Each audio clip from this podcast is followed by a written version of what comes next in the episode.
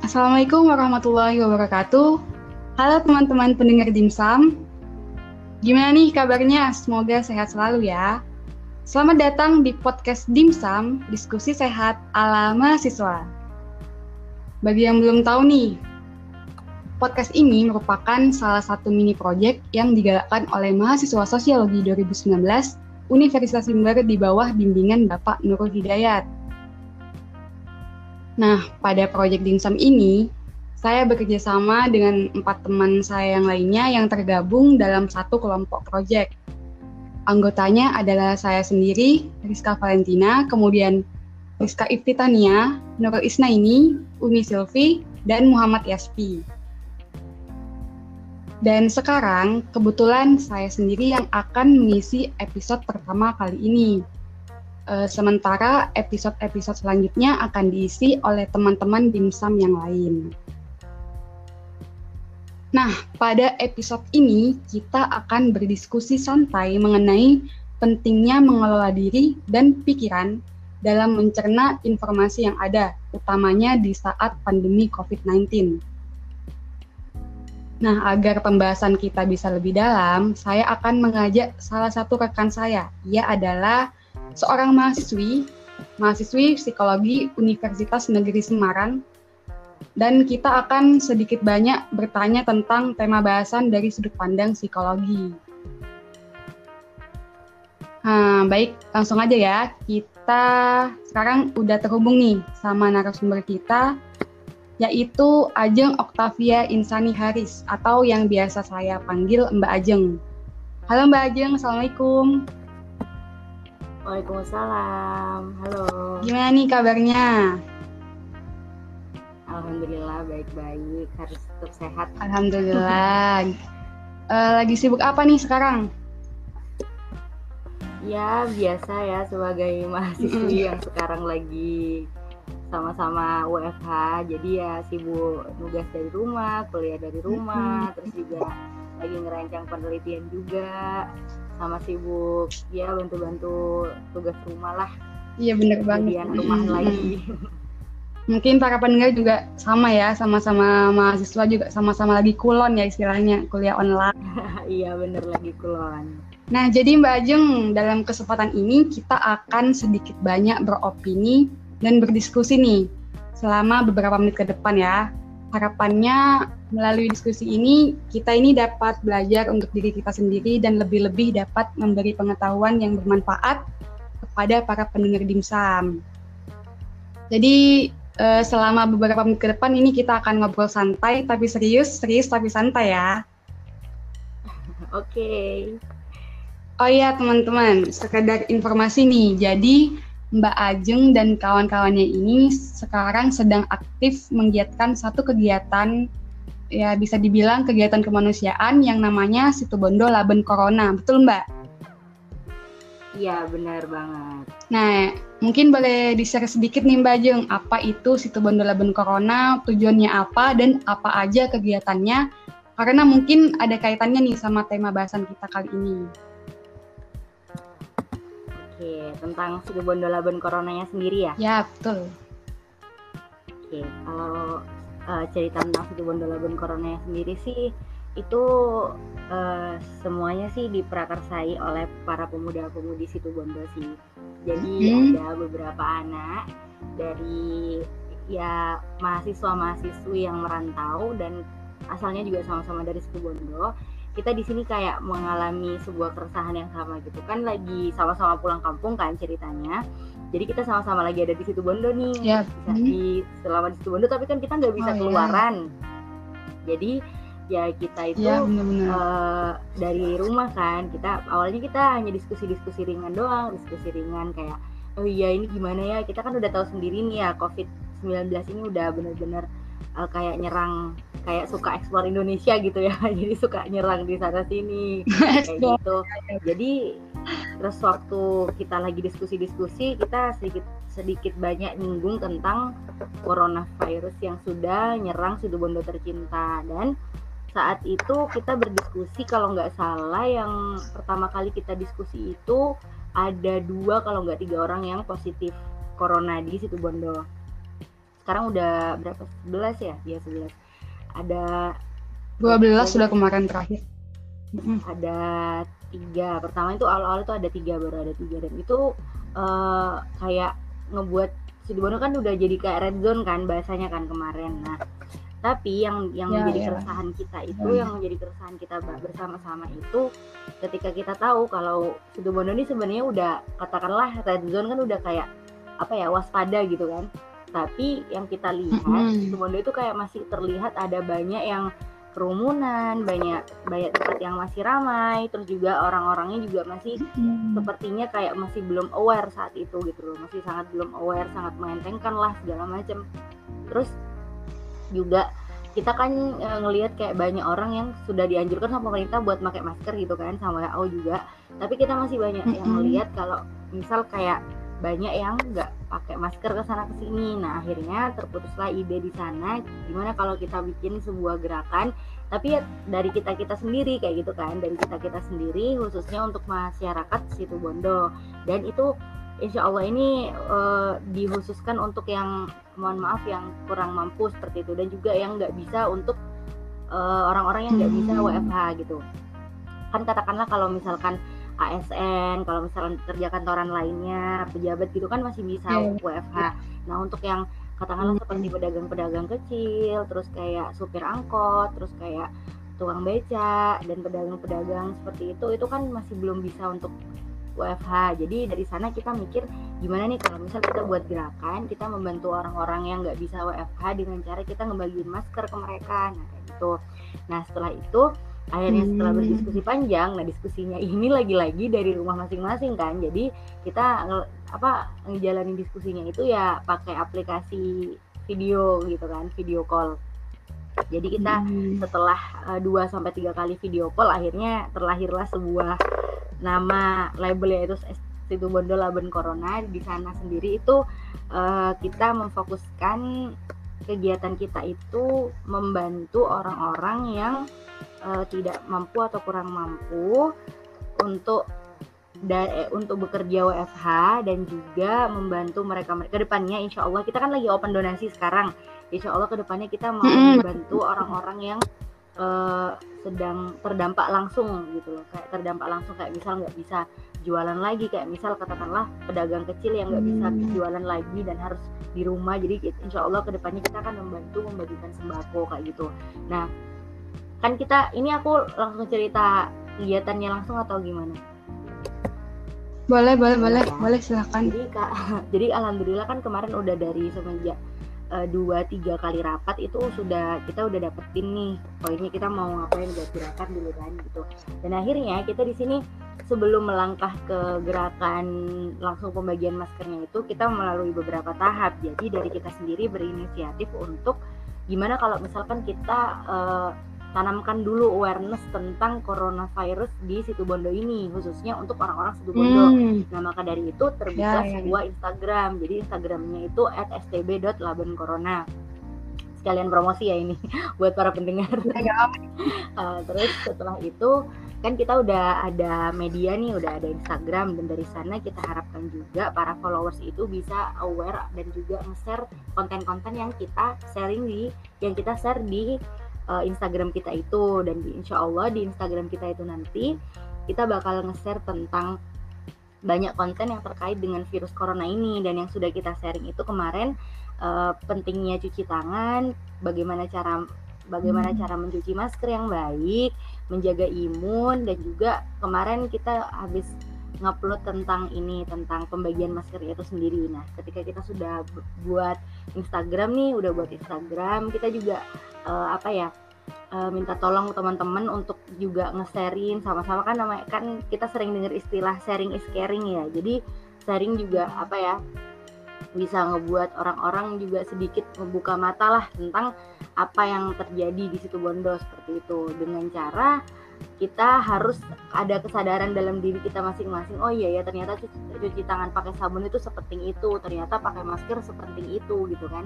Jadi dari dari sana kita buat konten-konten tersebut. Nah setelah buat konten tersebut akhirnya kita memutuskan untuk menggerakkan aksi pertama kita yaitu bagi masker. Dan alhamdulillah kemarin kita udah bagi masker ke daerah daerah Panji Kecamatan Panji dan Situbondo, Mangaran dan sekitarnya.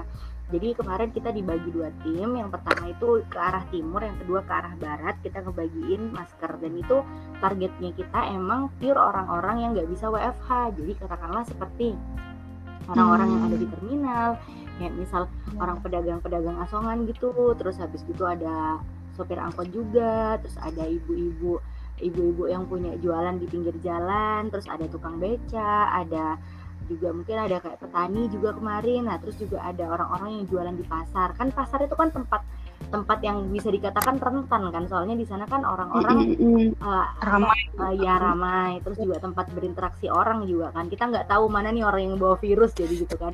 Jadi di sana juga uh, menjadi target kita orang-orang di dalam pasar itu. Jadi kemarin kita juga masuk ke pasar untuk membagikan masker-masker tersebut bagi orang-orang yang kita lihat dan kita tahu kalau beliau masih belum pakai masker dan belum punya masker akhirnya kita memberikan masker gratis di sana. Nah setelah aksi itu ke depannya kita kita lihat nih gimana uh, respon-respon teman-teman kita juga dan juga gimana dampaknya nih ketika kita uh, ngadain bagi masker gitu kan. Dan ternyata feedback yang kita dapat alhamdulillah baik. Banyak yang makin mendukung kita. Akhirnya kita melanjutkan melanjutkan ke tahap kita open donasi. Kita open donasi dan nanti ke depannya ini insya Allah donasi yang sudah terkumpulkan ini kita mau pakai buat uh, menjadikan donasi itu sebagai sembako. Ya berapa bungkus lah ya. Nggak nggak menutupi semua orang yang terdampak di situ Bondo sih. Tapi setidaknya kita step by step dulu. Jadi uh, kita insya Allah 50 sampai 100 sembako nanti akan kita bagikan dari hasil donasi yang kita dapat seperti itu. Dan untuk donasinya masih dibuka sampai sekarang. Untuk waktunya insya Allah satu minggu dua minggu lagi lah kita akan adain aksi lagi. Jadi kalau misalnya ditanya STB Laben eh situ Bondo Corona itu apa itu sebenarnya ini wadah bagi pemuda-pemudi situ Bondo yang memiliki keresahan yang sama gitu. Jadi kayak hmm. punya keresahan yang sama sama-sama dari kota besar sama-sama pulang balik ke situ Bondo dan tahu situ Bondo kalau masih ya katakanlah kurang awarenessnya dan juga ada banyak hal yang harus kita bantu dan itu semua tergerak dari hati nurani kita masing akhirnya ya udah kita jalan gitu. Kita buat sebuah wadah kita jalan dan ya insya Allah semoga ke depannya Allah kasih lancar ya gitu gitu aja sih. Amin amin amin. Ya jadi ini kegiatannya itu muncul dari keresahan ya keresahan terus kesadaran kalau misalnya yeah. warga kebanyakan masih minim informasi gitu ya. Karena gak yeah, semuanya bisa akses informasi mereka harus sibuk keluar rumah. Uh, mm. dan notabene-nya tuh mereka yang harus keluar rumah untuk mencari nafkah itu biasanya adalah orang-orang yang maaf masih awam gitu ya masih yeah. belum sadar mesti emang sudah disosialisasikan oleh pemerintah tapi mereka kadang masih nggak peduli kan hmm. jadi nih bagi para pendengar nih yang uh, yang mungkin kepo ya bisa lihat nih lebih lanjut mengenai Situbondo Laban Corona di sosial medianya gimana Mbak? Di Instagram @stb.labancorona. Oke, itu ya. Aku juga ngefollow loh. oh iya, follow ya semuanya ya nanti. Oke, sekarang kita masuk ke topik bahasan kita ya, yang mana ini menurut saya ini sangat relevan dengan kegiatan positif yang dilakukan sama Mbak Ajeng dan kawan-kawannya ini, yaitu ya. mengenai informasi Mbak Ajeng. Iya, oke. Okay. Nah, menurut Mbak Ajeng sendiri, apa sih pentingnya informasi, terutama di saat pandemi COVID-19 ini? Pentingnya informasi ya. Ya, kalau menurut saya pribadi sih informasi itu penting banget sih. Karena tanpa informasi kita nggak nggak bakal tahu nih apa yang terjadi di sekitar kita. Kita nggak bakal tahu gimana perkembangan dunia di sekitar kita dan juga kita nggak bakal tahu apa yang terjadi di luar sana gitu kan. Jadi kalau misal ditanya uh, pen, ber, seberapa pentingnya informasi itu menurut aku penting banget.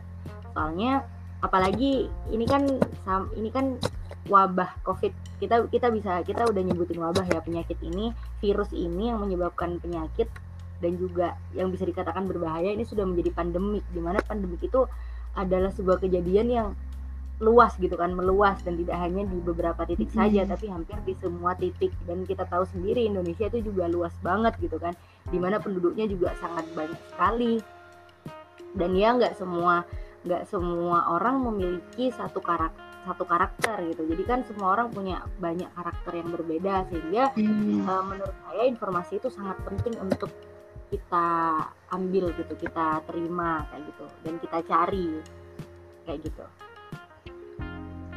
ya emang penting banget ya informasi itu karena uh, kita kita itu harus memastikan masyarakat itu tahu tentang apa-apa yang harus dilakukan. Ya misalnya kayak yang tadi dilakukan oleh laban corona seperti yeah. cara mencuci tangan yang benar ya. Kemudian menggunakan masker ketika bepergian uh, sampai ke himbauan untuk jangan keluar rumah dulu gitu Iya benar-benar. Nah ini berkaitan dengan tema episode episode ini yaitu uh, memperbanyak informasi dan membatasi informasi Mbak. Nah maksud Rizka di sini adalah uh, masyarakat itu sangat perlu mengetahui banyak informasi mengenai COVID-19, tetapi di lain sisi masyarakat bisa merasa stres karena informasi tersebut. Jadi ini ini juga sekaligus curhatan saya ya Mbak ya. Mungkin uh, saya juga mengalaminya gitu.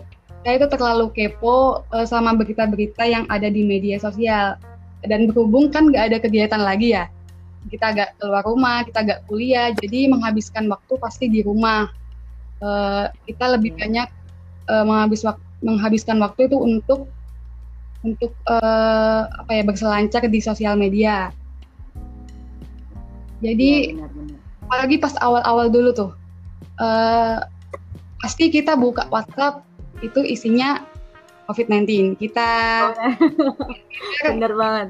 COVID-19 kita buka Instagram COVID-19. Iya iya betul banget. itu nggak apa ya itu benar-benar bikin sempat bikin saya uh, jengkel gitu. Uh, uh, terus sih gitu.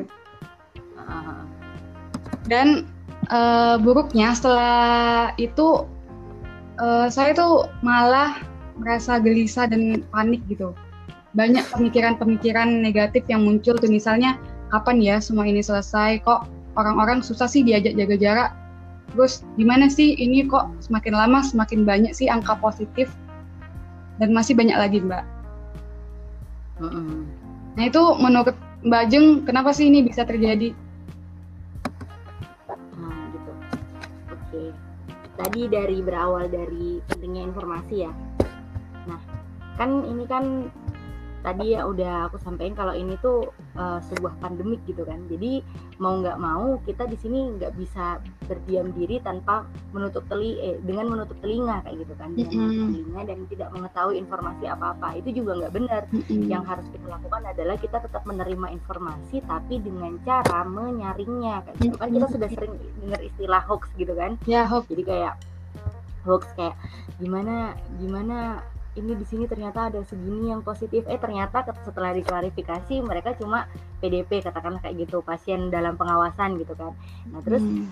uh, jadi menurut saya di sini kita harus pinter-pinter nyaring aja sih informasinya gitu kan kalau uh, bahasanya itu gini kita mendapat informasi uh, tidak harus kita serta merta langsung uh, mengiyakan atau menganggap informasi itu benar nah kita di sini hmm. juga sama-sama uh, sudah era makin maju jadi kita juga sama-sama dituntut untuk berpikir secara lebih luas berpikir secara lebih dalam secara lebih detail gimana kalau misalkan kita mendapatkan sebuah informasi harus kita kelola dulu harus kita olah dulu. Oh ya informasi ini dari mana nih?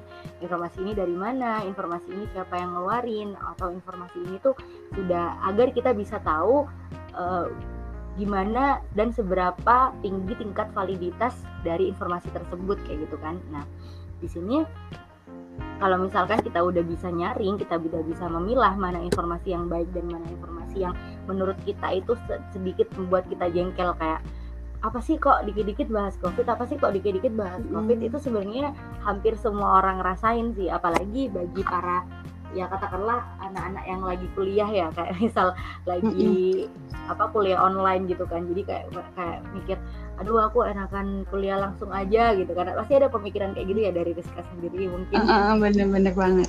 Gitu. Juga soalnya kan kalau di rumah ini kan apa ya kayak misal kita mungkin ada adalah satu dua penyakit mager gitu kan. Kalau biasa di di tanah perkuliahan itu kita semangat membara. Justru kalau di di apa di rumah sendiri kita lebih enak enak tidur tiduran mager mager segala macam dan itu menurut saya juga salah satu ini hmm. sih salah satu dampak negatifnya.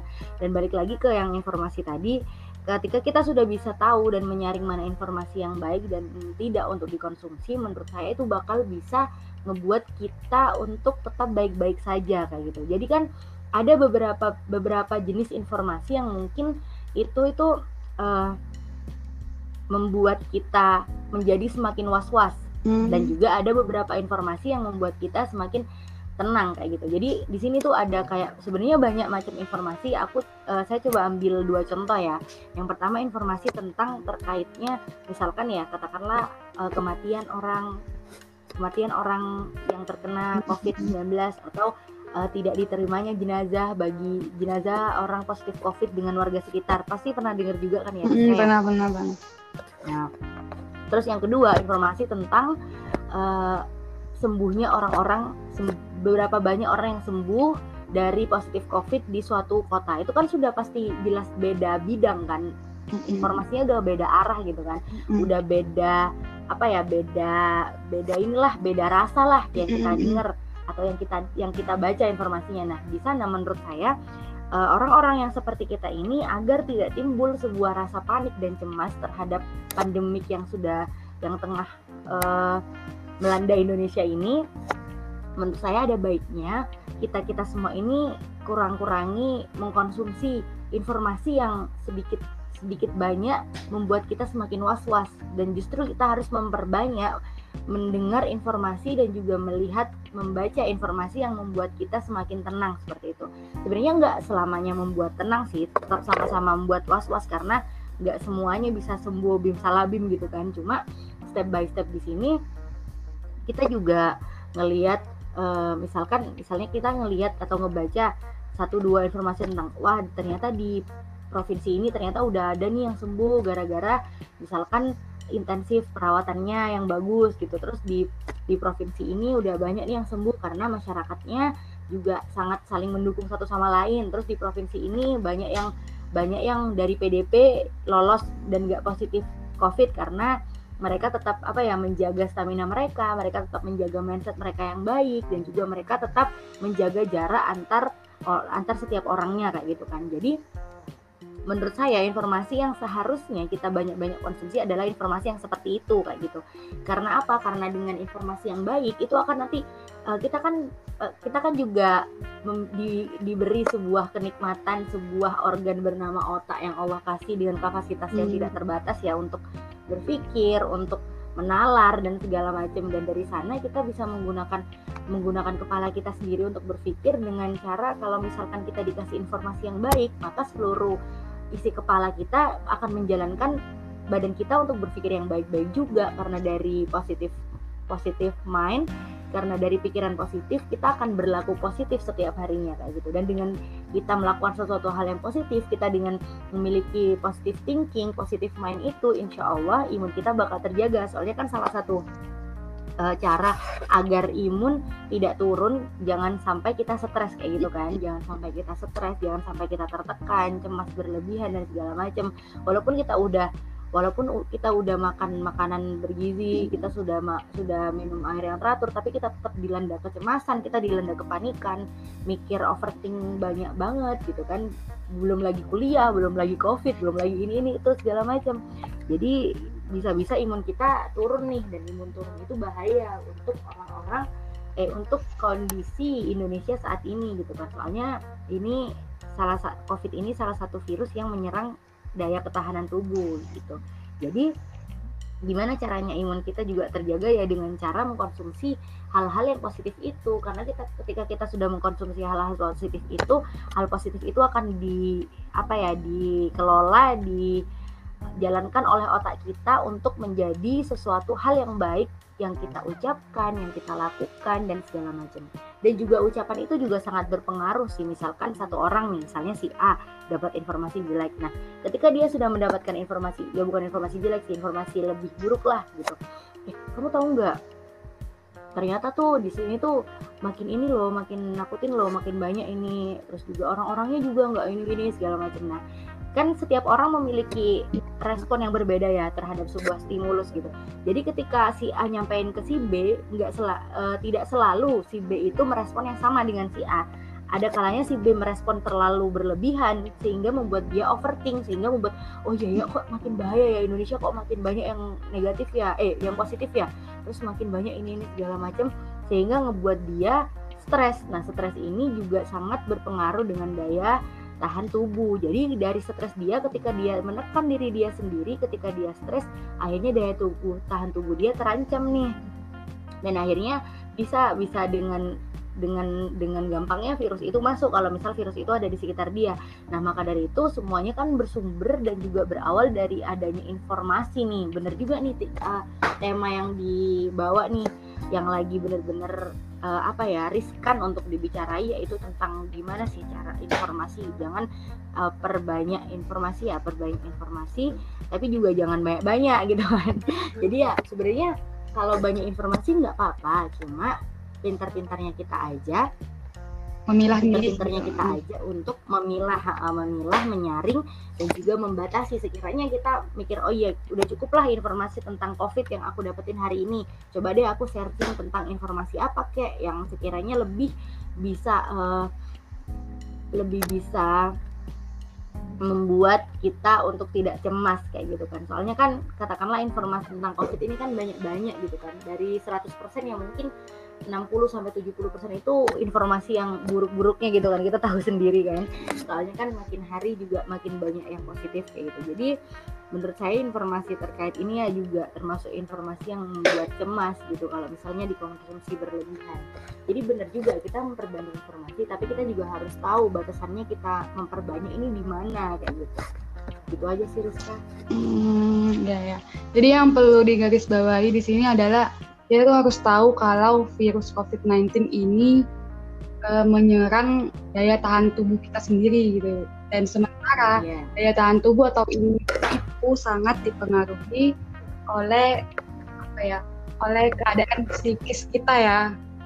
Jadi kalau yeah, benar, benar. panik, stres, pasti itu bakal ngaruh banget nih sama daya tahan tubuh kita. Jadi kita harus pintar me menyaring ya, memilah-milih mana yang baik, ya, yang baik. Nah kalau misal kita sudah menerima yang nggak baik, kita harus membagikan yang baik aja gitu. Nah menambahkan sedikit ya yang disampaikan sama Mbak Ajeng nih, menurut aku, menurut saya nih pembatasan informasi memang ini sangat perlu dilakukan pada masyarakat umum khususnya pada pengguna media sosial uh, ya selain itu juga kita juga harus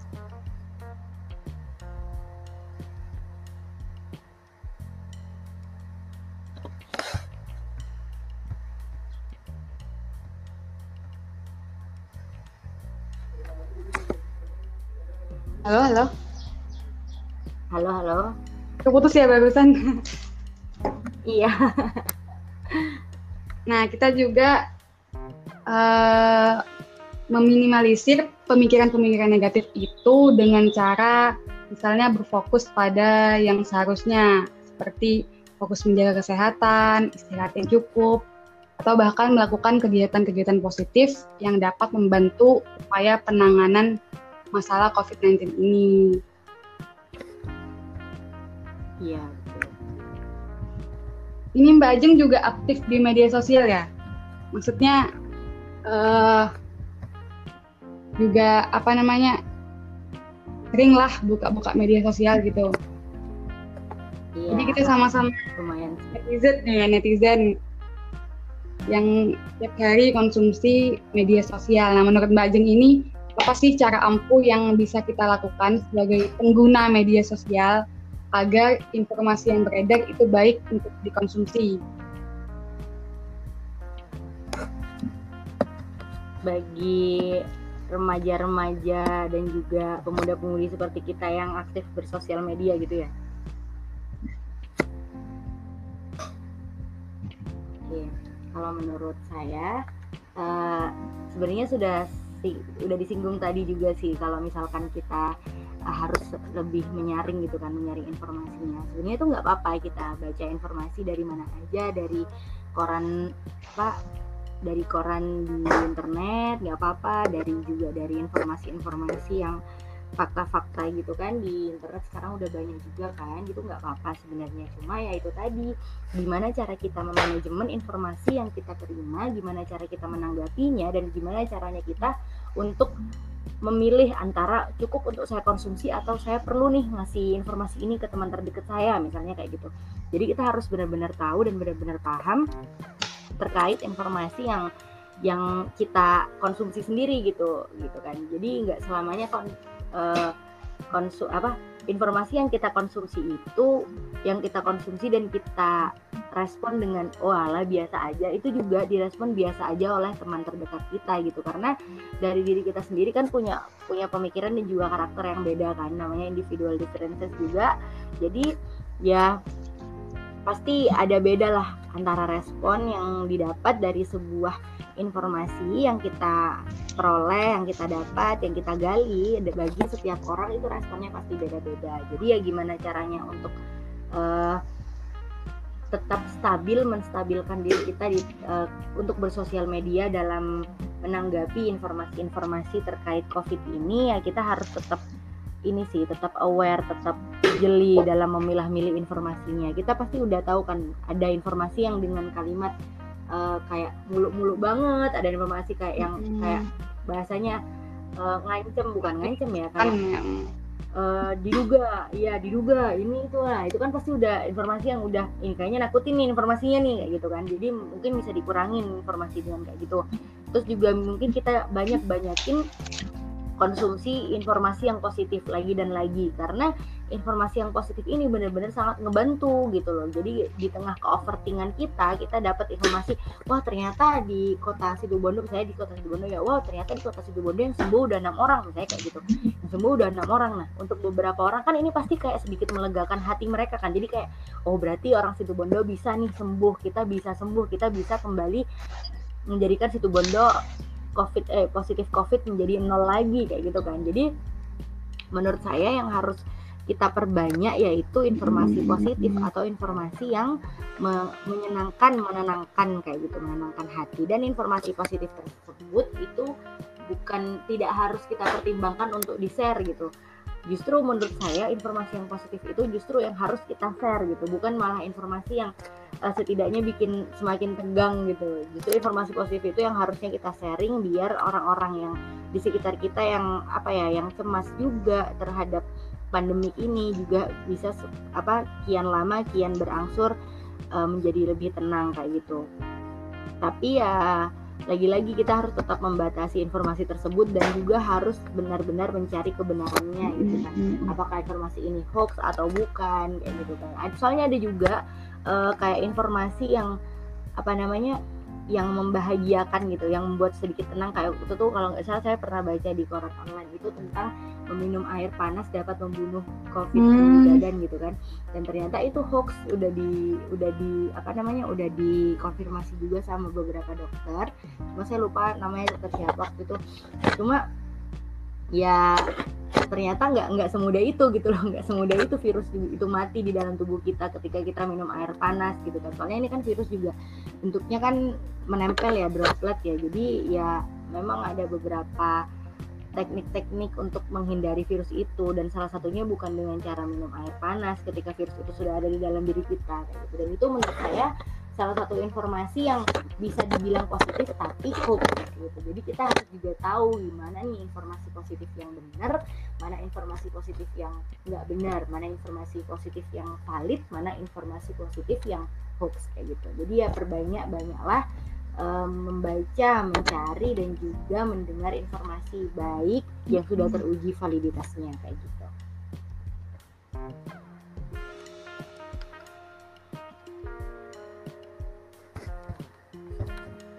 Ya selain membatasi informasi juga kita jangan lupa untuk memperbanyak informasi yang benar ya, informasi yang benar yang sekiranya itu dapat mengedukasi masyarakat kita. Apa ya? Jadi ya, benar, benar. Uh, ini sebenarnya dilema sih ya Mbak ya. Di, di lain sisi kita harus mengedukasi masyarakat, tapi di lain sisi juga kita itu nggak boleh membuat mereka panik. Bagaimana hmm. mereka bisa aware, bisa peduli tanpa merasa uh, stres, tanpa merasa cemas.